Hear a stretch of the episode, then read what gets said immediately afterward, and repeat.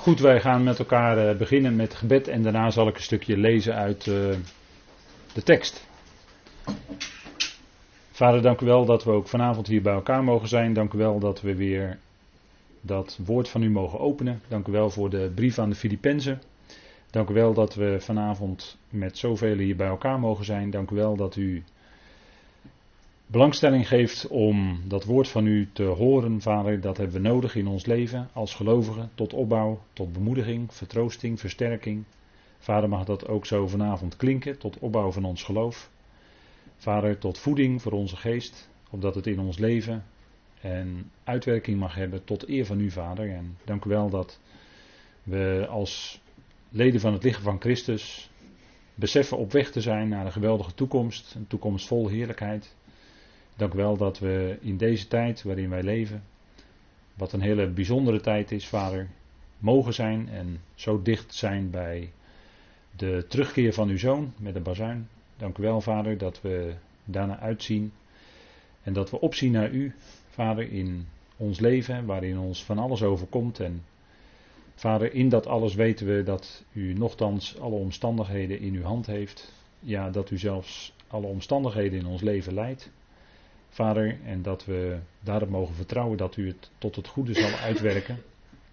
Dank u wel dat u zo ook vanavond ons wilt leiden door uw geest in het spreken, in het luisteren. Geef ons een hart dat wil horen, dat wil luisteren. En Vader, geef wijsheid in de woorden die we mogen spreken. Geeft u daartoe de uitdrukking. Vader, we bidden u, wilt u ons vervullen met de geest van wijsheid en onthulling in de erkenning van u. Opdat we, Vader, die geweldige verwachting van onze roeping mogen beseffen. En Vader, iets mogen ontdekken in ons eigen leven van die geweldige kracht waarmee u in ons werkt. Vader, dank u wel dat we mogen opzien naar u en bidden ook tegelijkertijd door alles heen om de vervulling met de erkenning van uw wil. Omdat we, Vader, u steeds beter leren kennen en u waardig mogen wandelen. En daardoor uiteindelijk mogen groeien in de erkenning van u. Vader, we u daarvoor dat u ons zo de weg wilt wijzen, ook deze avond. We danken u, wij loven en prijzen u in die machtige naam van uw geliefde zoon. Amen. Goed, wij eh, lezen met elkaar Filippenzen 1, weer de eerste zes versen waar we mee bezig zijn. En ik doe dat zoals u gewend bent uit de concordante vertaling. Die wij hebben in boekvorm. En zoals ik ook de vorige keer heb gezegd, als u die nog niet heeft, dan zou ik aanraden via de boekentafel die dan uh, te bemachtigen. En mocht dat niet lukken, stuurt u mij een e-mail. Dan uh, komt dat ook wel terecht. In ieder geval, Filippenzen 1 wil ik dan met u lezen. En er staat in vers 1: Paulus en Timotheus, slaven van Christus Jezus, aan al de heiligen in Christus Jezus die in Filippi zijn, tezamen met opzieners en dienaren. Genade voor jullie en vrede van God onze Vader en van de Heer Jezus Christus. Ik dank mijn God bij elke herinnering aan jullie, altijd in iedere bede van mij voor jullie allen met vreugde deze bede uitsprekend, vanwege jullie bijdrage aan het Evangelie vanaf de eerste dag tot nu toe hiervan overtuigd dat hij die onder jullie een goed werk onderneemt, het voltooien zal tot aan de dag van Jezus Christus. Even tot zover. En wij zijn gebleven in vers 2, zoals aangekondigd. En daar willen we verder naar kijken. We hebben de vorige keren gekeken naar God onze Vader. En ik wil nog een aantal opmerkingen maken over het feit dat God onze Vader is. En Hij geeft ons vrede. De aanhef van de brief is, zoals, u, zoals we vastgesteld hebben en zoals we net ook weer gelezen hebben, genade voor jullie en vrede van God onze Vader. Dus die genade en die vrede komen van God onze Vader naar ons toe. En we hebben dat ook ingevuld wat het dan bij Paulus betekent. Dat het niet um, is zoals de Grieken elkaar groeten met genade, zo van ik wens je het beste. En uh, vrede zoals de Joden elkaar begroeten met shalom. Wat eigenlijk toch ergens oppervlakkig nog is. Maar als je die begrippen invult zoals Paulus zijn evangelie is, dan krijgen die genade en die vrede ook een duidelijke ondergrond. En gaan wij ook be veel beter beseffen wat Paulus dan tegen ons zegt als hij schrijft genade en vrede voor jullie. Het is namelijk van God onze Vader en van de Heer Jezus Christus. En hebben we de vorige keer ook gekeken naar wie is God, hè, de vorige keren, en naar het vaderschap van God. God is onze vader. We hebben gezien op het laatst wat het in Tenach ook uh, zegt voor Israël. Hè, dat God ook nadrukkelijk de vader is voor Israël. En ook zal zijn in de komende tijd. Hè, de komende eon, de komende koninkrijk. En ik wilde toch nog wat dingen aanvullen. Uh, met betrekking tot die vrede die naar ons toekomt van God onze Vader. Want wat zit daar ten diepste onder in, het Evangelie zoals we dat mogen kennen? Wederzijdse verzoening. Naar Colossense 1 vers 20. Dat is eigenlijk het einddoel van God. En dat is het wederzijdse verzoening van het al. Dus van de hele schepping. Het zichtbare en het onzichtbare. dus niet alleen betreft het wij als mensen, die wij eh, om ons heen zien, als zichtbare schepselen, maar ook die wij niet kunnen zien. Dat is de uh, hemelse, de geestelijke machten uh, en krachten, die zullen ook delen uiteindelijk in die verzoening. Dus het is de verzoening van het al. Hè. Tapanta staat er dan in het Grieks. En dat betekent echt allesomvattend. De hele schepping, dat legt Paulus ook uit in Colossense 1, vers 15 tot en met 20 dat het gaat om de hele schepping. Hè? Al het geschapene in de zoon zal ook uiteindelijk verzoend zijn met God door de zoon. En dat is uh, dat waar het naartoe gaat.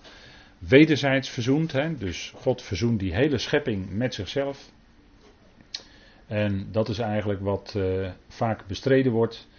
En dan is het altijd opmerkelijk dat men eh, niet de apokatalasso, hè, want dat is dan het Griekse woord, even een moeilijk woord, niet de apokatalasso bestrijdt, maar men bestrijdt de apokatastasis. En daarmee slaat men mis, want de apokatastasis is waar Petrus over spreekt in Handelingen 3. De wederherstelling van alle dingen waarvan door de profeten gesproken is aan het huis van David. De vervallen hut van David zal opgebouwd worden. En dat is in het komende koninkrijk de apokatastasis. En dan bestrijdt men de alverzoening, zegt men, maar men noemt de apokatastasis en daar slaat men gewoon de plank falikant mee mis, want in Colossense 1 vers 20 staat de verzoening van het al. En wij zijn geen alverzoeners, wij getuigen van het feit dat God alles met zich verzoent. als het gaat om de alverzoener is het God die het al met zich verzoent.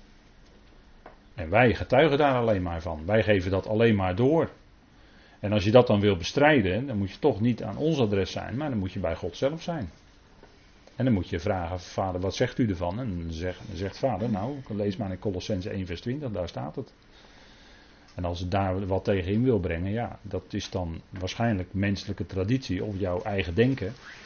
Maar Gods woord staat vast en daar zal het ook op uitkomen. Hè? De verzoening van het al. En hoe uh, sterker het bestreden wordt, uh, hoe meer waar het woord eigenlijk is en hoe meer het gewoon blijft staan. En elke keer als je dus mensen die, hè, of ze hebben wel of geen doctorandus voor hun naam staan, het maakt allemaal niet uit. Maar ze blijken hun zaakjes niet goed te hebben bestudeerd. En dat moet je eerst doen, wil je het goed bestrijden. En als je het goed doet, dan valt er ook niks te bestrijden, want dan is Gods woord gewoon duidelijk. En, en dat is, uh, daar is geen spel tussen te krijgen. En eh, wat dat betreft kan ik nog wel wat professoren in de theologie in stelling brengen hoor. Grote professoren die predikanten opgeleid hebben in Nederland en nog opleiden. Want die weten dat ook dat het zo is. Die weten dat. Je zegt, professor, zullen we even het Griekse Nieuwe Testament open doen en even lezen met elkaar, zal de professor zeggen, ja dat staat er, klopt, zo is het. Die, die bestrijden het ook niet hoor. Maar het zijn mensen die een bepaalde traditie met zich uh, meedragen, of vanuit een bepaalde traditie, of misschien bepaalde belangen, of wat dan ook. Maar men slaat de plank mis. En dat is elke keer als je bestrijding leest van uh, wat men dan noemt de alverzoening, dan, uh, en je gaat de argumenten bestuderen, dan blijken die argumenten allemaal stuk voor stuk ernaast te zijn en geen hout te snijden. Dus wat dat betreft is het een geweldige boodschap die we mogen kennen. En waar Paulus van getuigt, hè, waar het woord van God duidelijk van spreekt, dat is Colossense 1 vers 20. Hè, daar staat het. En dat is niet uh, uit zijn verband gehaald, want als je het in zijn verband gaat lezen, wordt het nog veel sterker. Hè, dus wat dat betreft uh, kunnen we nog wel even. Maar dat is eigenlijk de basis. Hè. God heeft vrede gemaakt In het bloed van zijn kruis staat daar. In Colossense 1, vers 19 en 20. En dat is de basis van de vrede voor nu. En vandaar dat Paulus dan zegt: Genade en vrede zij jullie van God onze Vader. Dus die vrede die gebaseerd is op het bloed zijns kruises, waarin God vrede heeft gemaakt. En op basis waarvan hij het al weder met zich verzoent. En dat is wat eigenlijk van begin af aan natuurlijk al vaststond in Gods plan. Hè. Vader wist van het begin af aan dat hij dat plan zo wilde uitvoeren om daartoe te komen. Ja, en dat moet door een weg dan, om tot verzoening te komen, moet het door een weg zijn van vrede. Uh, moet door een weg zijn van vijandschap en van vervreemding. En dat zal uiteindelijk leiden tot vrede.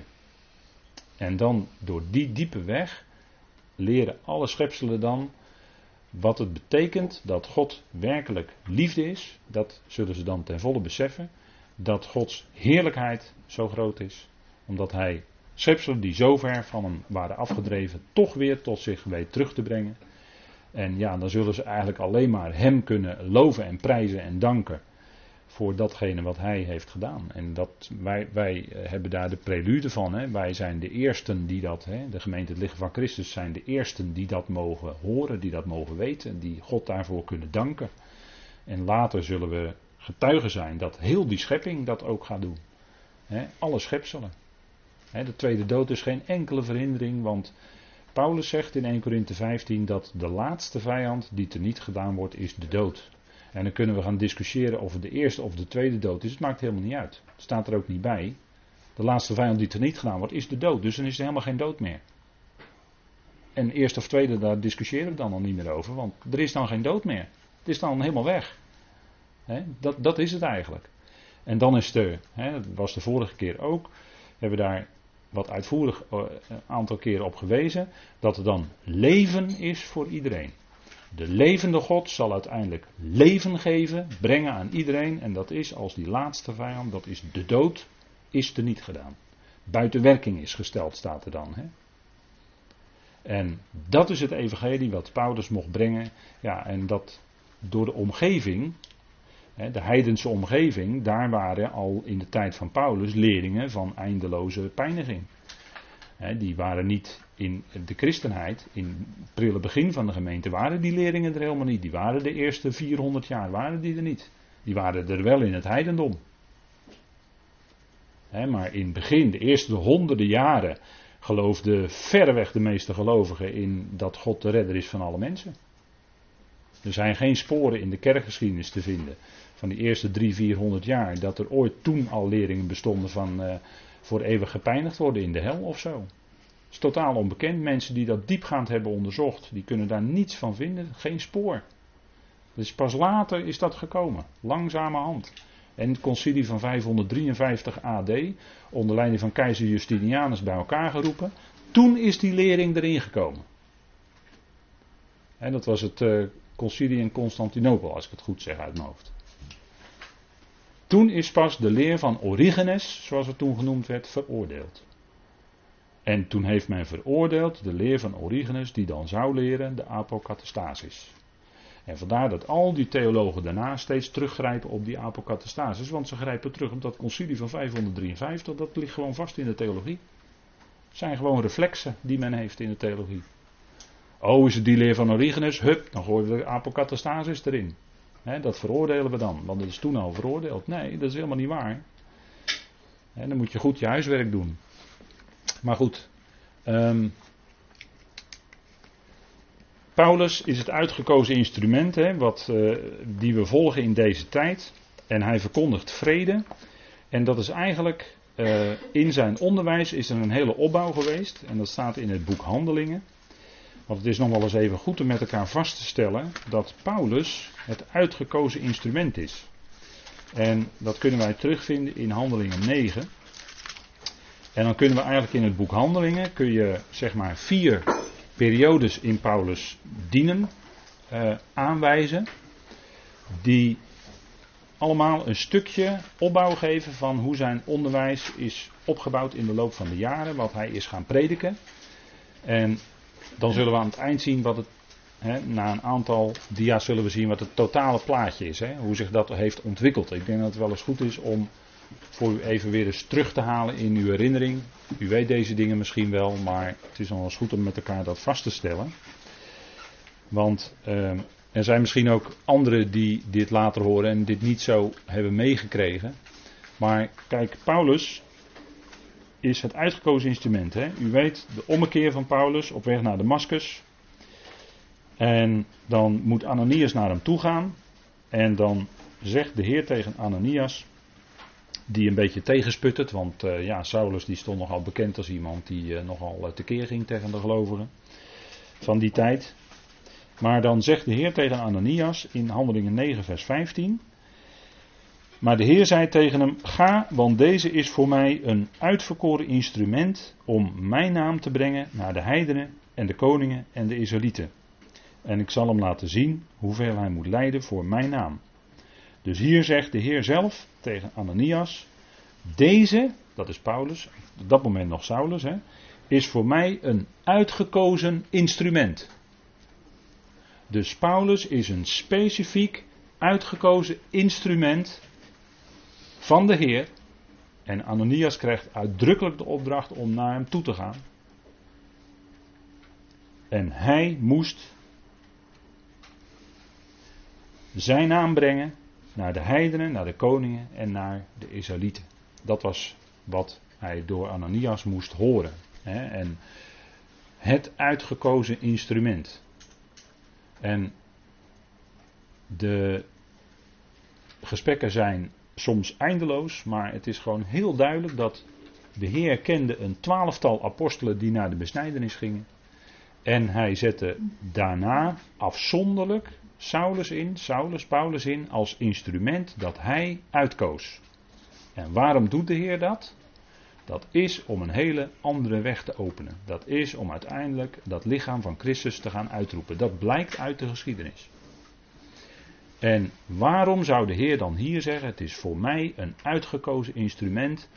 Als het zo zou zijn dat Saulus, Paulus alleen maar zou aansluiten bij de boodschap naar de twaalf en alleen maar met diezelfde boodschap naar de heidenen zou gaan. Als dat het alleen maar zou zijn. Dan zou dat heel vreemd zijn, want de apostelen hadden ook al de opdracht gekregen om die boodschap te brengen. Hè, hun boodschap van het evangelie. En wij zeggen dan op grond van gelaten 2 het evangelie van de besnijdenis. Evangelie van de besnijdenis.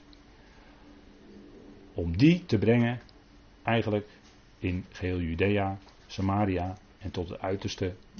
En dan kun je zeggen van het land, maar je mag ook vertalen de aarde. En Petrus was dan ook de eerste die naar een heiden toe ging, maar dat was een proseliet. Dat was niet een echte heiden, het was al een proseliet. Die was al genaderd tot het jodendom en dan word je in feite al gerekend als jood. Cornelius.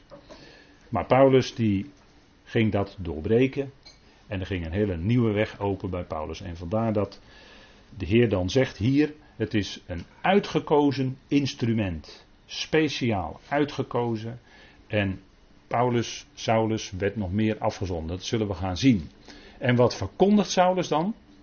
In eerste instantie verkondigt hij vergeving, hè, zoekt die aansluiting bij wat wij dan wij kennen als de boodschap die in Israël klonk, hè, vergeving van zonde, wat Petrus ook verkondigde op de Pinksterdag.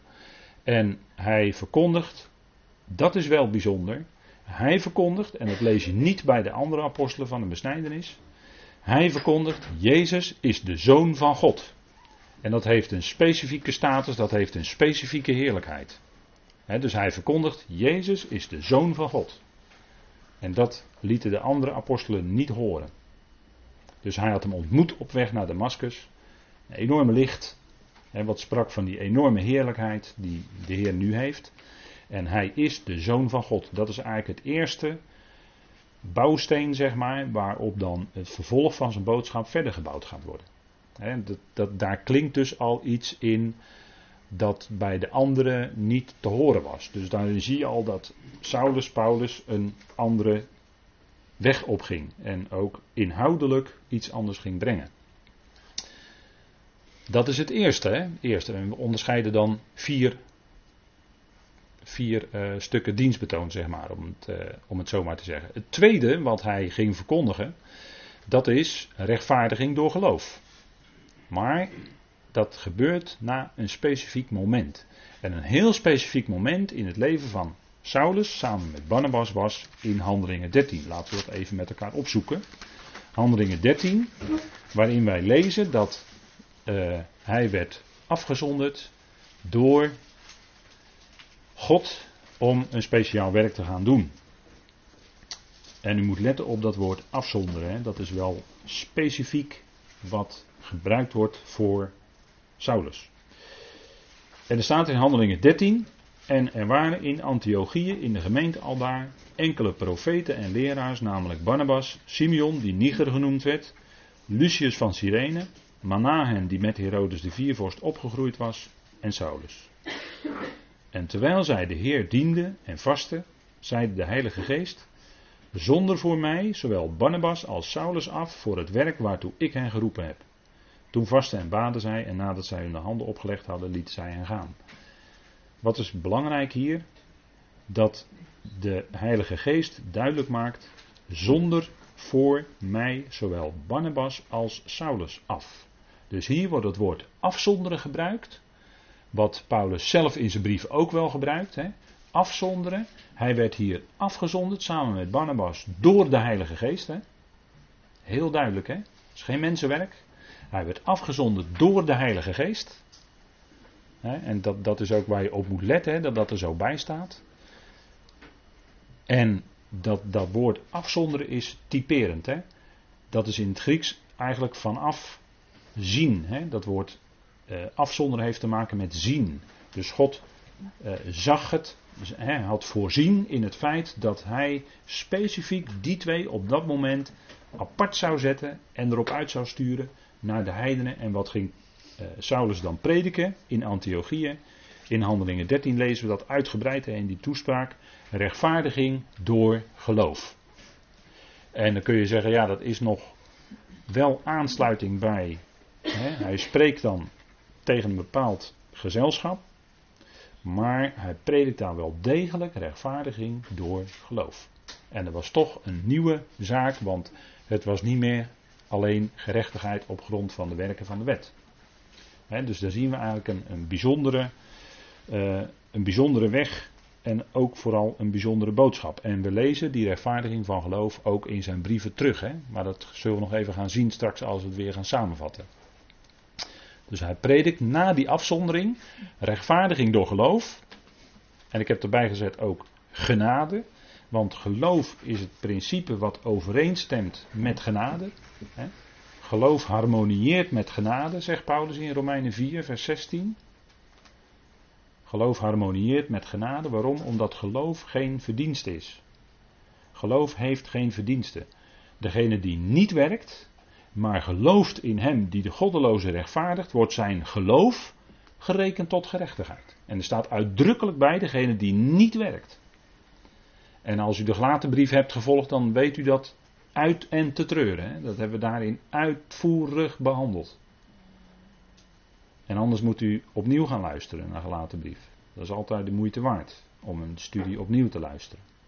Dan hoor je weer nieuwe dingen. Paulus predikt rechtvaardiging door geloof, door genade en dat klinkt ook terug in zijn brieven. Nadat hij is afgezonderd door de Heilige Geest. Hè. Een duidelijk werk van God, door Lucas verslag gelegd in handelingen, dat het zo is gegaan. En dat die hele periode die duurt dan zeg maar tot handelingen 19 vers 21. Dus het begint in handelingen 13 vers 1 en dat loopt dan tot en met handelingen 19 vers 21. En dan in handelingen 19 dan uh, komt er weer een crisis hè, in Paulus' loopbaan, zeg maar. Je zou dat een crisismoment kunnen noemen. Als hij dan in Efeze is, dan uh, lezen wij ook weer datzelfde woord afzonderen. Hè. Dat is uh, wat de geest dan doet. Hè. Wat de geest dan werkt in de apostel. En dan begint eigenlijk zijn derde periode. Handelingen 19, vers 21. En dan is hij in Efeze, weet u wel, en daar spreekt hij dan, uh, eerst wordt hij, eerst gaat hij spreken in de synagoge zoals hij gewend was. En dat was in het kader van zijn dubbele bedieningen. aan de ene kant in de synagoge in de lijn van het koninkrijk, dat was zijn opdracht. En aan de andere kant, hij werd steeds ook uit de synagoge geworpen.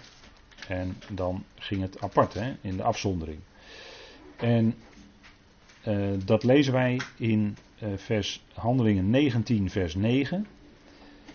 Dat hij de synagoge inging en drie maanden lang sprak. Handelingen 19, vers 8. Met hen en probeerde hen te overtuigen aangaande de zaken van het koninkrijk van God. Dus hier lezen we de, de koninkrijksbediening die Paulus ook had. Hè, een dubbele bediening had hij in die tijd.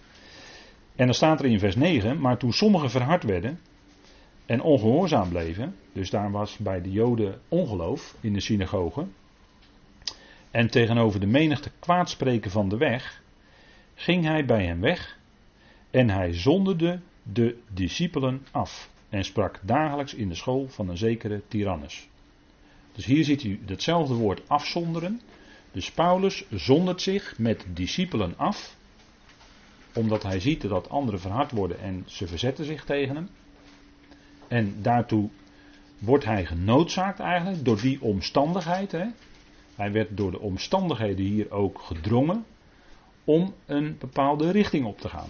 En hij zonderde hen af en ging dagelijks in de school van een zekere Tyrannus leren onderwijs geven, prediken. Rechtvaardigen, in ieder geval rechtvaardiging door geloof. dat, dat, eh, dat sowieso, want dat hebben we al gezien met elkaar. En dan ontstaat daar, en dat gebeurde twee jaar lang. En dat, ik heb wel eens gezegd, dat is waarschijnlijk een beeld van de tijd van de uitroeping van de gemeente. Hè. Dus een, een, typologisch gezien zou je hier in de uitroeping van de gemeente kunnen zien. Twee jaar lang. Hè twee jaar lang een beeld van de 2000 jaar. En Paulus in de afzondering met degene die hem willen horen. Nou, uitroeping van de gemeente. zo zou je dat misschien kunnen zien. Ehm, en dat heeft een uitwerking, want zij, de boze geesten gingen weg. En uh, daardoor kwam ook de handel van, u ziet aan het plaatje, van uh, Demetrius die uh, zilversmid, die Artemis tempels maakte. Ja, dit, zijn handel kwam in het gedrang. En als het om geld gaat, hè, als dan de portemonnee daardoor in het gedrang komt, dan, hè, want aan religie wordt vaak veel geld verdiend, zoals u weet. Ik hoef daar denk ik niet zoveel opmerkingen over te maken hier. Hè? Maar dat gaan we misschien op een ander moment nog wel eens wat dieper op in. Maar religie is een zeer lucratieve bezigheid. Hè? Dat levert een hoop geld op.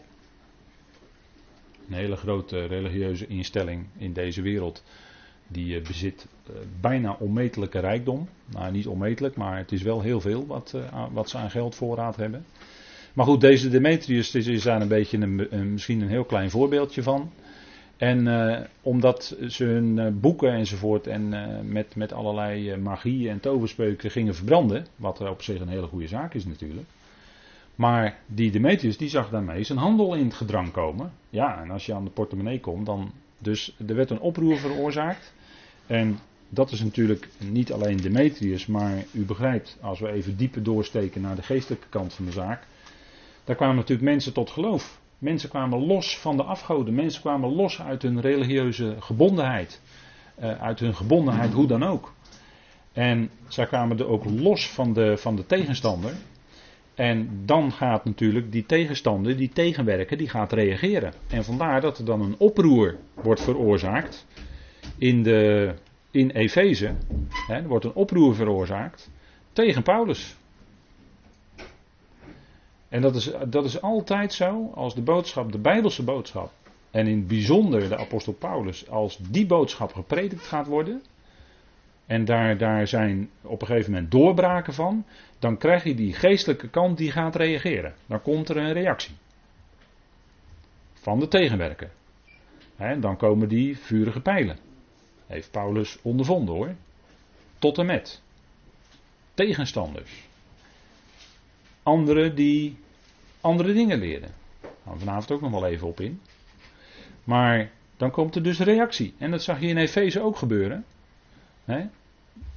En, de, en die tegenwerken, die geestelijke machten, die gebruiken mensen om via die mensen de boodschap aan te vallen en dus ook de boodschapper te belagen. En Paulus moest verder. Hè? Paulus moest verder.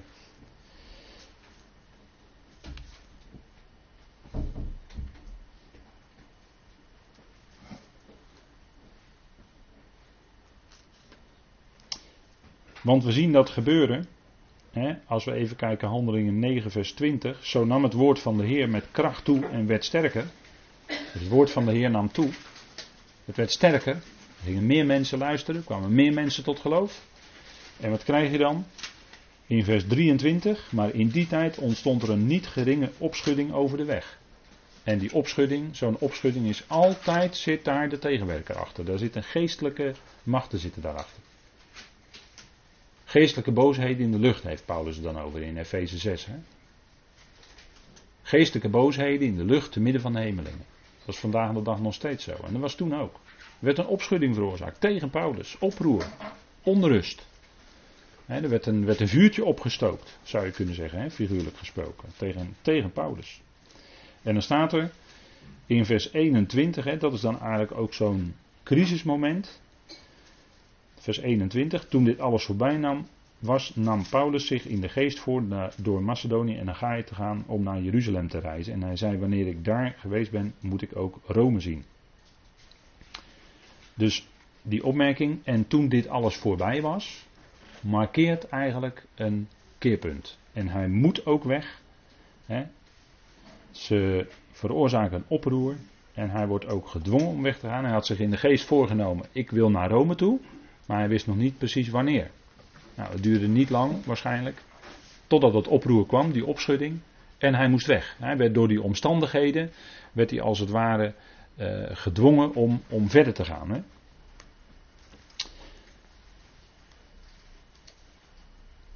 En dat zien we dan in vers, uh, hoofdstuk 20, vers 1. Nadat de opschudding bedaard was, Paulus, ontbood Paulus de discipelen en na hen gegroet te hebben, vertrok hij om naar Macedonië te reizen. Dan gaat hij verder. En dat is zo'n keerpunt. En dat is ook een keerpunt. Of dat is een verdere, dat is een crisismoment. En na dat moment gaat de boodschap verder. Hè, gaat Paulus meer prediken. En wat gebeurt dan daarna? Hè, toen nu deze dingen vervuld waren. Dan gaat Paulus onderwijzen de verzoening van de wereld. Hè, er is aan de ene kant verharding. En aan de andere kant is dat juist de opening naar een verdere, verdere onthulling van de boodschap die hij mocht brengen. De verzoening van de wereld. En dat is eigenlijk in die periode gaat hij dat voor het eerst prediken. Handelingen 19 vers 21 tot en met dat hij in Rome is. Handelingen 28 vers 28. Dus dat is dan de derde periode in het leven van Paulus. Het is een derde dienstperiode zou je kunnen zeggen. En dan de laatste is weer een crisismoment, dan is hij in Rome. En dan weet u wel dat het bekende gebeuren dat de Joden dan bij hem komen. En dan wordt er met elkaar gesproken. En dan komen de Joden er niet uit. En ze kunnen ook met Paulus er niet uitkomen. En dat is het moment van, zeg maar, de verharding van Israël. Want dan wordt uitgesproken de bekende profetie uit Jesaja 6. Hè, dat het hart van het volk vet is. Dat ze wel horen, maar het dringt niet door. Hè? En het komt niet in hun hart. Het hart van het volk is vet geworden. U weet, wel uit Jezaja 6 die bekende uitspraak. Die uh, zo'n drie keer op het volk wordt uh, toegepast. En in handelingen 28 is dat dan de laatste keer. En dat markeert eigenlijk de verhouding van Israël als volk. En natuurlijk zijn er onder hen die wel geloven. Maar als geheel, als volk, is er die verharding. En dan is Paulus in gevangenschap in Rome. En dan schrijft hij onder andere ook deze brief, Filippenzen. En dan begint eigenlijk definitief het beheer van het geheimenis. Wat aan Paulus is toevertrouwd. En dan gaat hij ook, mag hij ook gaan opschrijven. Hij had het al eerder geweten, maar hij mag dan gaan opschrijven en bekendmaken. Het Efeze geheimenis. De speciale bediening die de gemeente het liggen van Christus heeft. Wat tot dan toe uh, niet bekend was, maar wat hij dan door middel van de Efezebrief bekend maakt. De hemelse bediening van het lichaam van Christus. En dan heb je eigenlijk het plaatje compleet. Dat heb ik even op deze dia hier gezet. En het is niet zo dat dan het een na het ander volgt en het ene niet meer gesproken wordt. Nee, het is steeds een opbouw. Hè? Dus hij verkondigt eerst: Jezus is de zoon van God. Kunt u teruglezen in Romeinen 1, vers 1 tot en met 6. En daar leest u ook dat hij afgezonderd is als apostel. Hè? Hij is afgezonderd als apostel, zegt hij daar ook. Afgezonderd tot het evangelie van God. Dus hij, hij predikt een specifiek, specifieke boodschap. En dan daarop gebouwd, Jezus is de Zoon van God, rechtvaardiging door geloof. Rechtvaardiging in genade. Romeinen 3 en 4 kunt u dat teruglezen. En dat blijft natuurlijk zo. Hè? Jezus is de Zoon van God, dat is een prediking die blijft. Dat prediken wij vandaag nog steeds. En Romeinen 3 en 4 is ook een prediking die vandaag de dag nog steeds moet klinken. Want het, het, het schuift allemaal in elkaar. Hè? Het is één boodschap hè, met verschillende aspecten. Maar dat is het hele evangelie, al die zaken, omvat het hele evangelie wat Paulus mocht verkondigen. En het derde punt is de verzoening van de wereld. Hè? Vindt u ook in Romeinen 5 tot en met 8 en Romeinen 11. 2 Korinthe 5. God was in Christus de wereld met zich verzoenend. Hè? En dan als vierde en laatste het beheer van het geheimenis, het Efeze geheimenis, waarin Paulus Efeze, Colossense en Filippenzen schrijft. En dan is het compleet, dan zijn ook de brieven aan de gemeenten compleet. En dat is eigenlijk, dat omvat zijn hele evangelie, maar u begrijpt, daarin zit ook het geheimenis van het evangelie, want dat is de verzoening. Het geheimenis van het evangelie, de verzoening. En het beheer van het geheimenis. Het Efeze geheimenis wordt bekendgemaakt in de Efezebrief dat, dat de gemeente een unieke, bijzondere roeping heeft, een bediening voor de hemelse machten, te midden van de hemelingen. dat, maar de, Jezus is de Zoon van God. Rechtvaardiging, verzoening, hemelse bediening van het lichaam van Christus. Uh, de wederzijdse verzoening van het al. Uh, dat is helemaal de boodschap die Paulus mocht brengen. En dat is die boodschap die ook vandaag klinkt aan de gelovigen. Dit is de boodschap die vandaag moet klinken. En al deze aspecten, uh, nou misschien alleen rechtvaardiging door geloof, dat vind je dan bij Abraham terug. Maar voor de rest vind je daar niets van terug bij de apostelen van de besnijdenis. Die wisten daar niets van. En de dingen die ze probeerden te verstaan, Peter zegt, er zijn veel dingen bij Paulus moeilijk om te begrijpen. 2 Peters 3, hè? Het eind. Dus men had dat misschien wel iets van gehoord, maar men kon dat niet zo bevatten. Dus dat, dat hè, en wat we nu even dan in een notendop behandelen, even heel snel, dat is ongelooflijk veel. En wat een rijkdom, hè? wat een rijkdom, onvoorstelbaar. Maar dit vind je dus niet terug bij de andere apostelen. En dan kun je dus niet zeggen dat ze allemaal hetzelfde verkondigden en dat het alleen maar gaat om twee doelgroepen. Kom nou, kom nou. En, en dat is een heel belangrijk gegeven. Hè? Dat we specifiek blijven bij die woorden, die, die kostbare woorden die ons zijn toevertrouwd. En natuurlijk is heel de schrift kunnen we lezen en is tot opvoeding in de gerechtigheid en is tot, tot terechtwijzing. Natuurlijk, heel de schrift. Maar als het gaat om specifiek het evangelie wat vandaag moet klinken, dan zijn dat deze aspecten. En dit, dit komt gewoon uit de schrift zelf naar voren. Hè. Dit is niet een bedacht iets of zo, maar dit komt uit de schrift zelf naar voren. En, en dat is wat we zouden verzamelen als, als geweldige geestelijke rijkdom. En dan moet je eens kijken wat dat in je leven gaat betekenen voor je dagelijkse levenswandelen. Voor je, hoe, hoe, je, hoe je leeft. En hoe je naar andere mensen kijkt. En hoe je de toekomst ziet. En hoe je het verleden ziet. Het, heeft, het is zo radicaal veranderend voor, voor je innerlijk. Eh, om, als het gaat om al die dingen. En beïnvloedt dus ook je levenswandel. Want je wilt dan daarna vrede houden met alle mensen. Je wilt, je wilt niet je gelijk halen. Je wilt niet over anderen heen lopen. Nee, je wilt dienen. Je wilt ootmoedig zijn. En dat is waar Filippenzen over gaat. toen Paulus afgezonderd werd in Handelingen 13, toen waren ze bezig met te dienen. Toen was hij bezig te dienen. Hij had zijn Heer leren kennen. Zijn Curios. Wie bent u, Heer? Ik ben Jezus die jij vervolgt. Maar hij noemde hem gelijk Curios. Want hij had wel door dat het enorme licht waar hij gelijk blind van werd en die stem die hij hoorde, ja, dat is de Heer. Dat, dat wist hij in een reflex, dat wist hij in een flits. En vanaf dat moment was het dienen. En veel lijden ook. Ik zal hem tonen hoeveel hij moet lijden te willen van mijn naam. Maar dat is de weg eigenlijk die in Filippenzen ook gewezen wordt. Hè? Ootmoedigheid en dienen. Ootmoedigheid, dat het grondbegrip is laag. Je wilt je niet verheffen boven een ander, maar je acht die ander hoger dan jezelf. De Heer was ook zelf niet gekomen om te dienen, maar zijn ziel te geven als losprijs voor velen. Hij was niet gekomen om te heersen, hij kwam om te dienen. Discipelen en de moeder van de zonen van Zebedeus, die begrepen het niet. En die vroegen zich af, eh, kan ik aan uw rechterhand zitten in uw koninkrijk? Die wilden de hoogste plek hebben, de beste plek. De Heer zegt, nee, het gaat om dienen. Ootmoedigheid. uw welwillendheid, zijn alle mensen bekend. En niet uw verzet, zijn alle mensen bekend, of uw weerspannigheid, maar uw welwillendheid, zijn alle mensen bekend. De Heer is nabij. En als je die boodschap kent, dan wil je niet per se je gelijk halen. Daar gaat het helemaal niet om. Het gaat niet om gelijk hebben. Het gaat om getuigen van wat de schriften zeggen. Dat is wat we doen. En tot het moment van de bezuin zouden we, zouden we ootmoedig de Heer dienen. We dienen geen andere mensen, we dienen de Heer.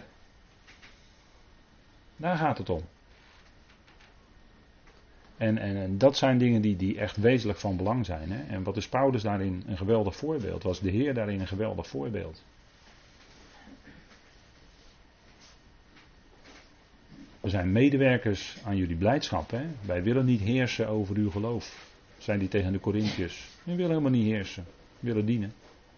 Willen dienen met het woord. En dat, dat deed Paulus in Korinthe. Hij wilde niet heersen over de Corinthiërs. De Corinthiërs wilden zelf wel heersen, maar al te graag.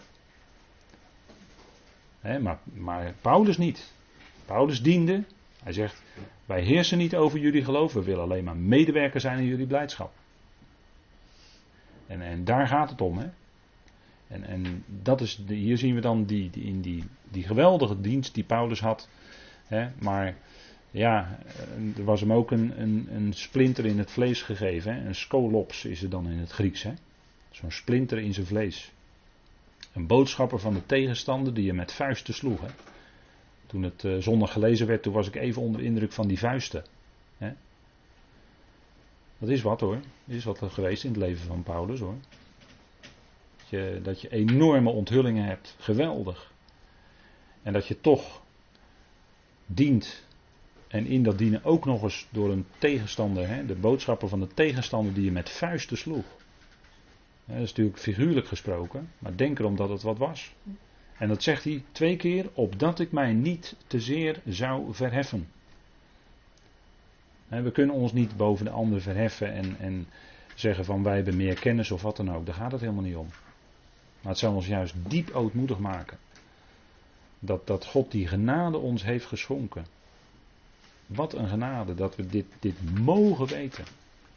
Dat we dit mogen weten. Wat een liefde heeft God ons gegeven. Dat we het nu al mogen weten. Dat zou ons diep ootmoedig maken. En, en alleen maar het fijn vinden als iemand anders ook de ogen geopend worden. Dat kunnen wij helemaal niet. We kunnen iemand anders helemaal niet de ogen openen. Kan God alleen. Kunnen we niet. We kunnen alleen van getuigen. En de een die reageert misschien vijandig. Jammer, heel jammer. En de ander die reageert misschien van, hé, hey, daar wil ik meer van weten. Nou, dat is fijn. Dan ben je blij. maar God moet de ogen openen hoor. Lydia, de Heer opende haar hart, zodat zij aandacht gaf aan hetgeen door Paulus gezegd werd. De Heer opende het hart, hè? Kunnen wij niet. En handelingen 13, hè? we hebben het niet gelezen met elkaar, maar allen die tevoren bestemd waren tot eonisch leven kwamen tot geloof. Hè? Ze waren tevoren daartoe bestemd door God. Mens heeft helemaal niets te vertellen. We denken wel dat we heel wat zijn, maar je hebt helemaal niks te vertellen, joh. Helemaal niks. de God, God is zoveel groter dan dat wij zijn. en, en, dat is ook met je kinderen, daar heb je verdriet van als je kinderen niet meegaan in de, de, weg die jij graag zou willen zien van je kinderen, of ze geloven niet. Ja, God moet het, God moet het ook uiteindelijk geven. En, en God gaat het ook uiteindelijk wel geven, maar op zijn tijd. En, en soms moeten wij dan geduld hebben, soms veel geduld. En dat is soms heel moeilijk voor ons, geduld hebben. Want je wil zo graag dat ze ook nou, als God het niet geeft. maar kinderen kijken naar, naar ons als, als ouders, kijken ze, vooral in de, in de tienerleeftijd, kijken ze naar ons voorbeeld. Hoe wij leven. Niet zozeer wat we allemaal zeggen. Want we zeggen zoveel soms, ook in ons onbenul zeggen we zoveel. Of in ons ongeduld misschien wel. Maar ze kijken naar het voorbeeld wat je geeft, hoe je leeft. Daar kijken ze naar. En, en dat, is, dat is dan heel belangrijk. Hè? En ja, het is altijd heel moeilijk. Hoe moet je kinderen opvoeden is altijd de vraag. Hè? Hoe moet je nou een kind opvoeden? Nou, als je meerdere kinderen hebt, dan zult u wel weten dat ieder kind een eigen aanpak nodig heeft. Is, geen, is, is allemaal niet in boekjes voor, voor te lezen, voor te houden. Maar je gaat het zelf ervaren en dan is ieder kind is anders. Ja. En je, hebt, je hebt eigenlijk maar zo kort. Maar in die tijd dat het dan zo is, dan kijken ze naar ons voorbeeld. En dat is gewoon heel belangrijk. Dat, dat is aanschouwelijk onderwijs. Maar goed, Paulus mocht ook gelovigen aanbrengen, die woorden van God, waardoor gelovigen ook geestelijk gezien groeien. Want waarom zeggen we dit tegen elkaar? Dat is ook dat gelovigen geestelijk gezien gaan groeien. Hè? Dat is natuurlijk de bedoeling. En, en dan is het ook weer dat we niet naar elkaar kijken. Zo van, joh, weet je dat na zoveel jaar nog niet? Nee, daar kijken we niet naar. Daar kijken we niet naar. Want God moet de groei geven. He, dat zegt Paulus ook, juist, juist weer in de Korinthebrief. Paulus mocht planten. En Apollos die mocht dan gieten. die, die ging met het gietertje rond zo. Die gaf overal water. Het woord. Maar God moet de groei geven, zegt Paulus erbij. God moet de groei geven. Dat kunnen we helemaal niet. En dat is, zo is met, met gelovigen, geestelijk gezien, die moeten opgroeien van, zeg maar, net als in, in, in dagelijks leven, moeten ze opgroeien van geestelijk gezien baby tot volwassen in het geloof. En, en, en pas als iemand echt doorgroeit naar volwassenheid, ja, dan zal die ook dieper gaan verstaan. En dan komen we weer toch weer terug bij dat kruis, de boodschap van het kruis, want dat is toch cruciaal hoor. Paulus die heeft het in de brieven over het kruisigen. dat, dat, zeggen we dan in zijn voorbereidende brief. Hij heeft het over het kruisigen. Het kruisigen van het vlees. We zijn met Christus meegekruisigd. En dan in zijn voorkomenheidsbrieven spreekt hij alleen nog over het kruis. Dan is het een feit. Hè? Dan is, het, dan is het, het kruisigen, zou je kunnen zeggen, is in zekere zin voorbij. En gelovigen die dat diep zijn gaan beseffen, die weten dan de betekenis van het kruis, dat daaraan alle vijandschap is weggedaan.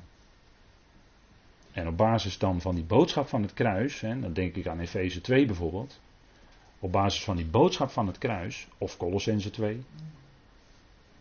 Daar wordt het dan de besnijdenis genoemd. Hè. De ware besnijdenis, die van Christus. Maar daar is het vlees afgesneden. En als het vlees is afgesneden, pas dan kan er die werkelijke doorgroei zijn, geestelijk gezien, naar volwassenheid in het geloof. En dan van daaruit is ook het verlangen om vrede te houden met iedereen. Hè? Vrede te bewaren, de band van de vrede. En, en uiteindelijk over dat alles, hè, de liefde. Nou, daar, daar is waar het om gaat. Maar daar speelt het kruis een essentiële rol in. En gelovigen die dat niet beseffen, die, die zullen daar tegenaan blijven lopen. Totdat de Heer in je leven dat gaat duidelijk maken. Misschien wel door een moeilijke ervaring heen. Dat, je, dat de Heer je stopzet en je, en je en je gedwongen wordt om na te denken over je leven, over jezelf, over de boodschap. Wat betekent dat kruis nou in mijn leven? En dat is, dat is soms een crisismoment in het leven van een gelovige. En dan moet ook die gelovige gaan beseffen dat die gelovige het allemaal niet zelf kan. Hè, want ook als echte gelovige kun je nog heel lang bezig zijn in je eigen kracht. Totdat het een keer ophoudt. En God dan gaat duidelijk maken dat jij het niet in je eigen kracht kan. Maar dat het zijn kracht alleen kan zijn. En dat is het kruis. Dat maakt het kruis dan duidelijk. Dat al jouw eigen vermogen, al jouw eigen inspanningen, vlees is dat, dat is allemaal meegekruisigd. En als je dat zo gaat zien, je eigen vlees meegekruisigd met Christus, dan ga je daarna alleen nog van Hem verwachten. Dan ga je ook beseffen dat Hij niet degene is die helpt als er mensen zijn die zichzelf nog kunnen helpen. Nee, dat hij degene is die alles doet als mens gaat beseffen dat hij zichzelf totaal niet meer kan helpen.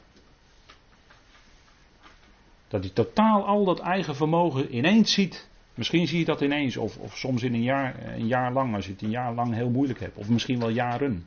Ga je misschien langzaam maar zeker zien dat God in je leven alles doet. maar voor je dat echt beseft en echt erkent. En daaruit ook gaat leven als gelovige. Ja, dan moet je soms een hele diepe crisis doormaken. Dat kan. Dat kan.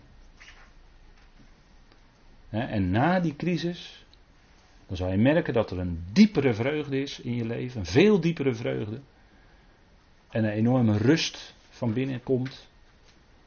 Omdat jij het ook niet meer zelf hoeft te doen. En ook niet meer van jouzelf hoeft te verwachten, maar dan ga je alles van hem verwachten. Kijk, dan heb je een enorme stap, heeft God met jou een enorme stap gezet in je leven tot volwassenheid in het geloof. dit, dit zijn moeilijke dingen hoor. Ook voor geloven hoor. Om tot die erkenning te komen. Dat is diepere kennis.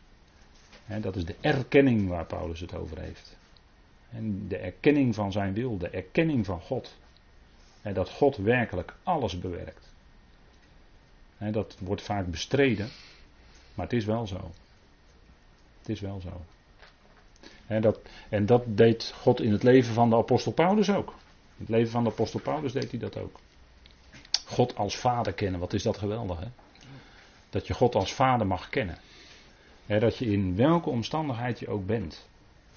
En je zult ontdekken dat, dat gelovigen heel fijn als je met elkaar contact hebt, dat je elkaar mag toespreken, mag aanspreken, vertroostend, bemoedigend. Maar de diepste troost is alleen die Vader zelf kan geven. Hij is de God van alle vertroosting. Wat een rijke woorden, hè? in de tweede Korinthebrief denk ik nu aan. Hij is de God van alle vertroosting. Hij is de Vader van het medelijden. Er is geen ander die zo diep met ons kan meegaan in de diepte van ons lijden als Vader zelf. Vader zelf. Hij weet het. Hij weet wat we doormaken. Hij kent ons door en door. hij is de vader van het medelijden. De God van alle vertroosting. Van alle vertroosting. En dat is geweldig rijk hoor. Als, als je God als vader kent. dan, dan heb je die open hand naar God toe. Hè? Omdat je het helemaal van God verwacht. Je hebt geen gesloten hand of geen gebalde vuist meer naar God. Maar je hebt een open hand. Je verwacht alles van Hem. Je wil alles van Hem ontvangen dat is waar het om gaat in ons leven. En ja, ik, ik verbaas me soms een beetje over dat mensen dan uh, zeggen van ja, nee joh, die bergreden joh, dat is geweldig. Die bergreden van de Heer Jezus. Dat zijn prachtige leefregels, daar moeten, daar moeten we het op houden. Dan denk ik wel aan dit soort dingen als, als wat hier op deze dia staat. De Heer zegt, wees dan volmaakt zoals je vader volmaakt is, je hemelse vader. Dan zeg je, goeiedag. Goeiedag, ga daar maar aan staan. Hè? Ga daar maar aan beginnen. Nou, dat gaat je dus nooit lukken. Je kunt nooit volmaakt zijn zoals je hemelse vader volmaakt is, toch? En, en ga al die andere dingen van de bergreden dan ook maar eens na, wat de Heer Jezus allemaal zegt. Want wat doet de Heer Jezus in de bergreden? Hij maakt duidelijk dat de wet, waar de wet over spreekt, de wet spreekt niet alleen over de uiterlijke daad, maar zelfs de gedachte. De heer Jezus maakt duidelijk dat alleen al de gedachte, dat dat eigenlijk al, als je de wet echt helemaal wil toepassen, dat alleen de gedachte al strafbaar is. Om het zo maar even te zeggen. Als we even juridisch spreken dan. Hè. Nou, dan is er helemaal nooit meer iemand die ooit nog ergens aan kan voldoen hoor. gewoon even eerlijk zijn met elkaar. Alleen de gedachte al. Daar kun, je, daar kun je nooit aan voldoen. Never.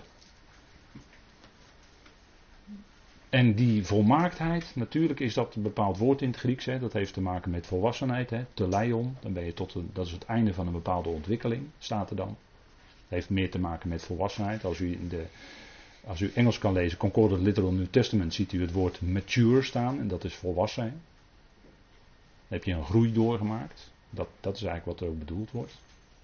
En dan komt later die rijke jongeling bij de Heer. En die zegt, uh, hè, dan hebben ze een gesprek over de, over de wet. En dan zegt die rijke jongen, ja, ik heb van mijn jeugd ervan heb ik alles van de wet helemaal in acht genomen. En toen zegt de Heer, één ding ontbreekt je. Toch alles in acht genomen, maar één ding ontbrak hem. Hij zegt, verkoop alles wat je bezit. De Heer prikte natuurlijk er doorheen. Hij was rijk en het zat bij zijn geld. Zijn hart zat bij zijn geld.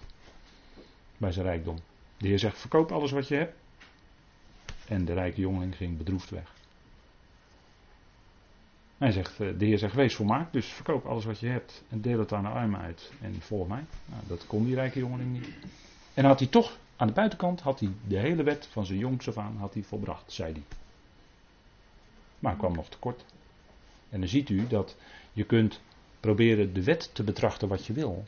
Maar er zal blijken dat je toch nog dan tekort komt. dus dat gaat hem ook niet worden, om het zo maar te zeggen.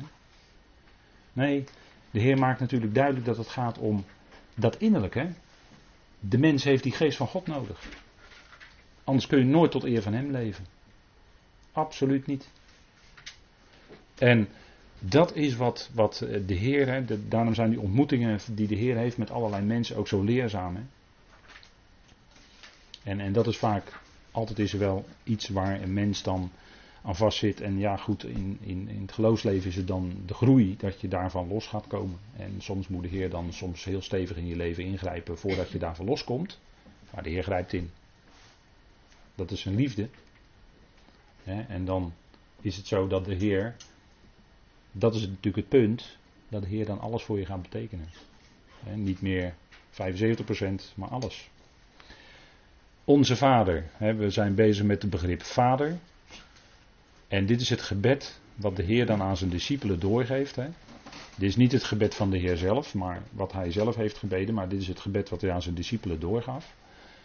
En dit staat dan ook in de bergreden, hè, weet u wel, Matthäus 6.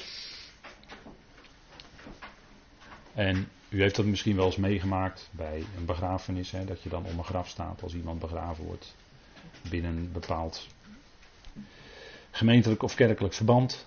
En dan wordt er aan het eind nog het Onze Vader gebeden. Hè? Maar dan denk je, ja, waar, waar heeft dit mee te maken?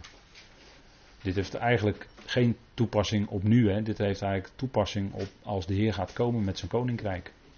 Hè, dat is ook helemaal dit gebed. Wel Onze Vader, maar dit is dan een gebed wat specifiek met Israël te maken heeft. In het koninkrijk. Hè?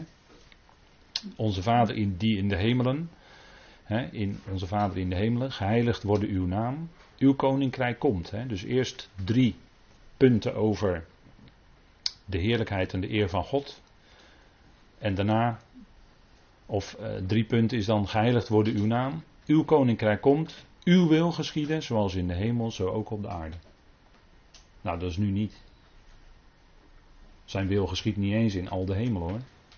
Want er zijn nog veel vijandige, boze machten en krachten in de hemelen. Dus zijn wil geschiet nog niet eens volledig in de hemelen. Laat staan hier op aarde. Als we even om ons heen kijken, dan zien we dat zijn wil nog lang niet gedaan wordt hier op aarde. Maar het zal in de koninkrijk wel zo zijn. maar daarom is het nu voor ons eigenlijk niet aan de orde om zoiets te bidden. Hoe mooi dit gebed ook is en hoe fijn dit gebed ook is. Maar als we wat verder kijken in de schrift, dan komen andere dingen tegen. ons toereikend brood geef ons heden. En, en deze is misschien wel heel duidelijk. Hè? Scheld ons kwijt onze schulden zoals ook wij onze schuldenaren kwijtgescholden hebben.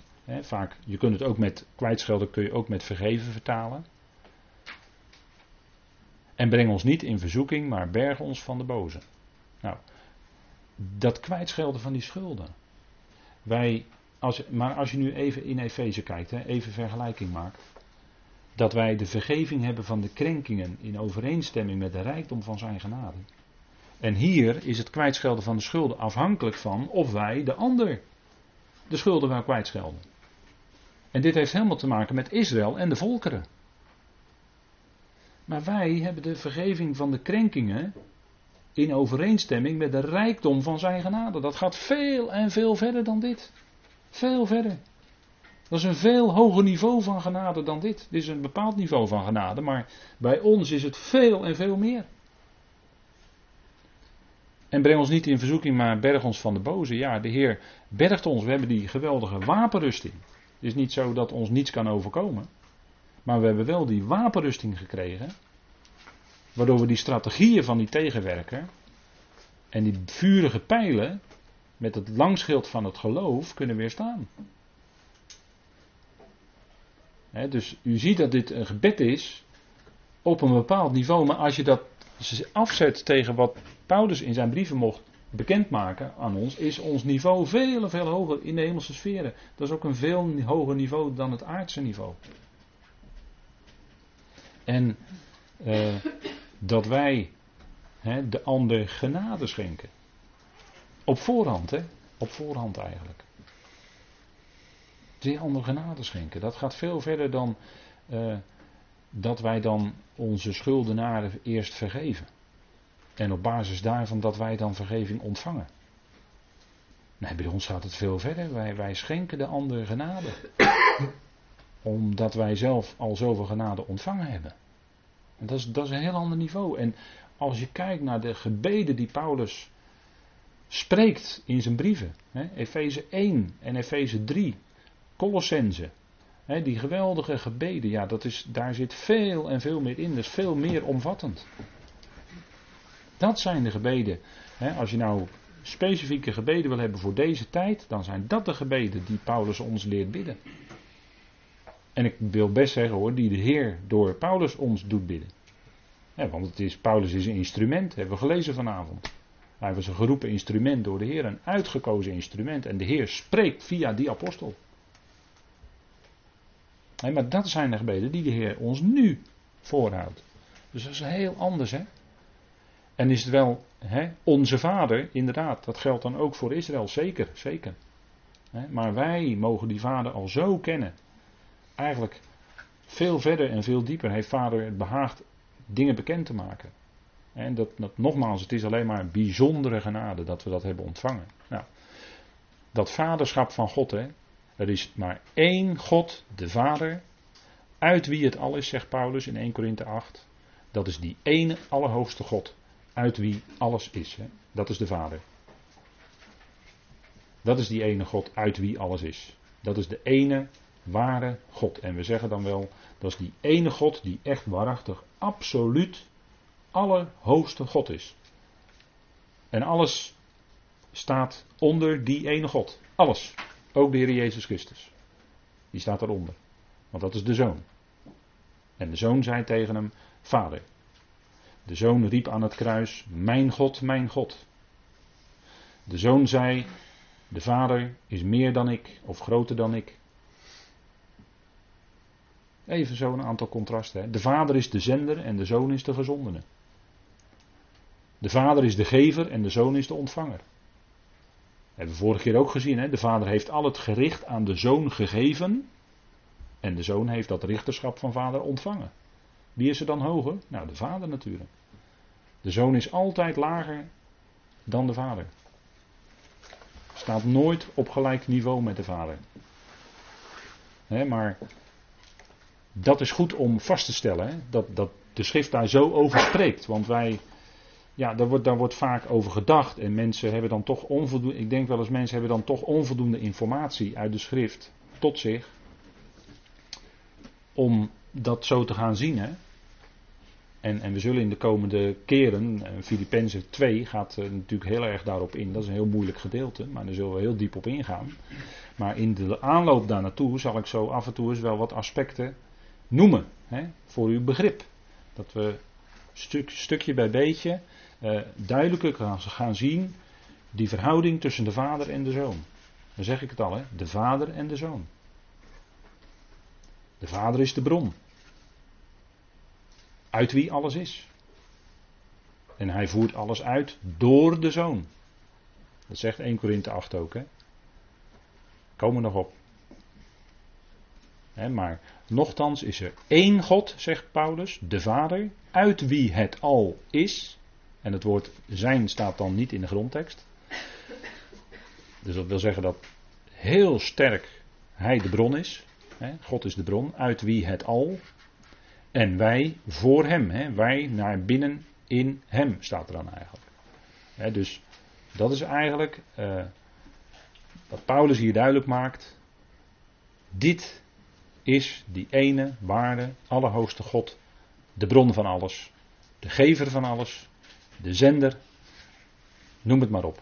Dus dat zijn alle, allemaal aspecten hè, die ertoe bijdragen dat we gaan zien wat, nou, wat is nou die verhouding tussen de vader en de zoon. Nou goed, we gaan even met elkaar pauzeren en dan dadelijk gaan we weer verder.